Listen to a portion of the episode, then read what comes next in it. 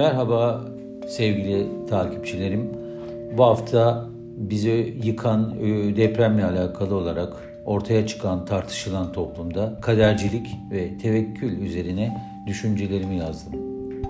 Yazımın veya konuşmamın başlığı mukadderat imiş.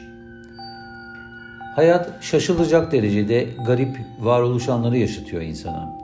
Hayatımda Hatay'ı ilk kez sadece iki ay önce ziyaret etmiştim.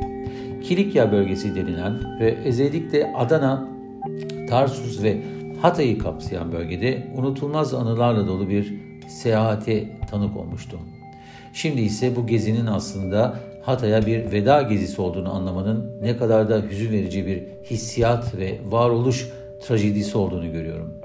Hem çok kültürlü bir Anadolu kenti hem de insanın ruhunu ısıtan bir Akdeniz şehri olarak Türkiye'nin en kendine özgü bir yerleşim yeriydi Hatay.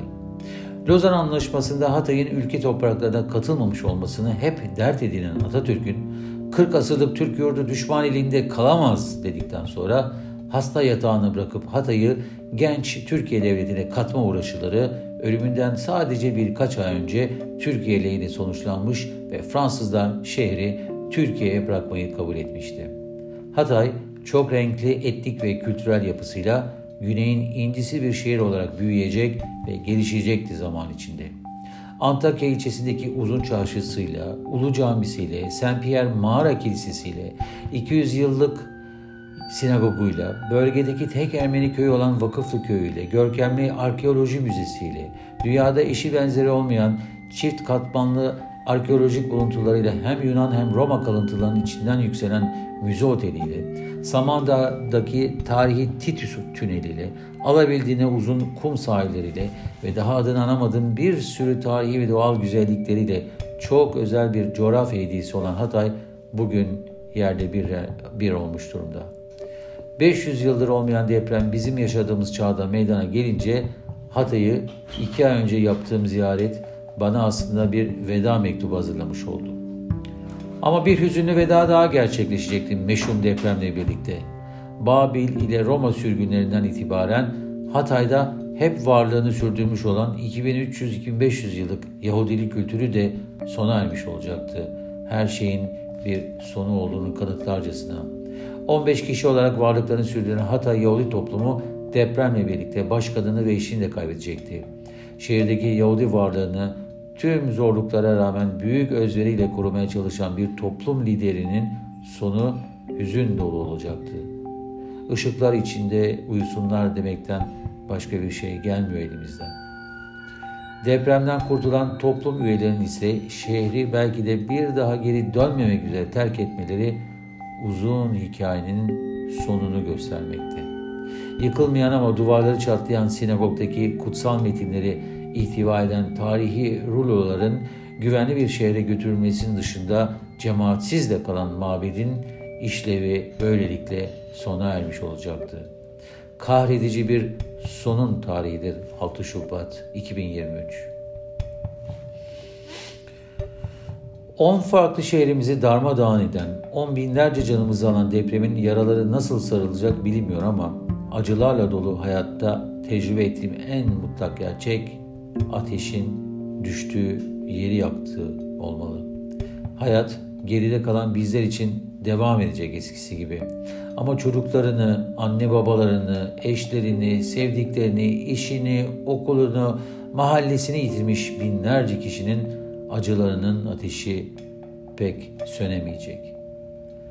Adana'da Çukurova bölgesinde yıkılan ve 90 kişinin yaşayıp 70'inin öldüğü binayı yapan müteahhit tutuklandığında adeta katliamı çağrıştıran yıkıma mukadderat derse şu kader meselesinin toplum katına belki de bütüncül olarak tekrar gözden geçirilmesi gerektiğini düşünmeden edemiyor insanoğlu. Kader Allah'ın verdiği aklı kullanmayıp başına gelenleri ona bağlayacağın, ruhunu temizleyeceğin, yanlışlarını da bir kalemle sileceğin bir varoluşsal inanış modeli olursa biz hayatı, varoluşu ve hatta dini toptan yanlış anlamış sayılırız. Aklımızı, özgür irademizi yok sayan, hayatın en küçük detayının bile önceden Yaradan tarafından takdir edildiği varsayımına yaslanan bu tür kader inancı insanı atalete sürükler.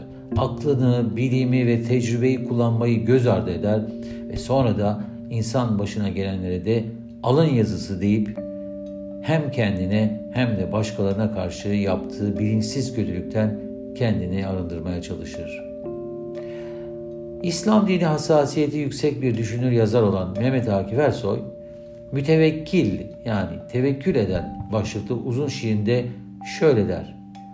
Kader senin dediğin yolda şeriata bühtandır. Tevekkülün hele hüsran içinde hüsrandır. Akif kimilerinin algıladığı, algıladığı yanlış kader anlayışının dine bile karşı geldiğini söylemek ister ilk mısrasında. Tedbir almadan tevekkül etmenin de büyük bir hüsran olduğunu anlatmaya çalışır ikinci mısrada. Ez cümle Akif, kaderin ve tevekkülün yanlış yorumlandığını dile getirmeye çalışırken aklını kullanmayan, önlem almayan insanların başlarına gelen her sıkıntıyı kadere bağlamalarını eleştirir. Friedrich Nietzsche'nin o ünlü amor fati yani kaderini sev sözünün arkasında yatan da insanın her şeyi gözden geçirip hem aklını kullanarak hem de içgüdülerini dikkate alarak kendi omzunun bile üstüne çıkma çabalarından sonra oluşan hayat şartlarını kabullenip onu sevmesi gerektiğidir. Nietzsche hiçbir girişimde bulunmayıp tevekkül içinde yaşamayı olumlamaz. Tam tersine onun kadere yaklaşımı zihinsel bir devrimi gerektirir.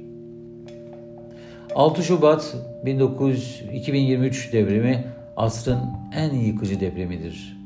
Lakin bilim insanlarının uzun zamandır yaptıkları uyarıları dikkate almayıp da oluşan asrın felaketine sadece mukadderat demek kendini kandırma, toplumu da aldatma çabası olmalı. Fayın geçtiği sokakta bulunan 10 binadan 9'u yıkılır. Biri ise ayakta kalıyorsa yanlışın nerede olduğu gün gibi meydandadır. Ülkemin acilen akla, bilime ve vicdana ihtiyacı var.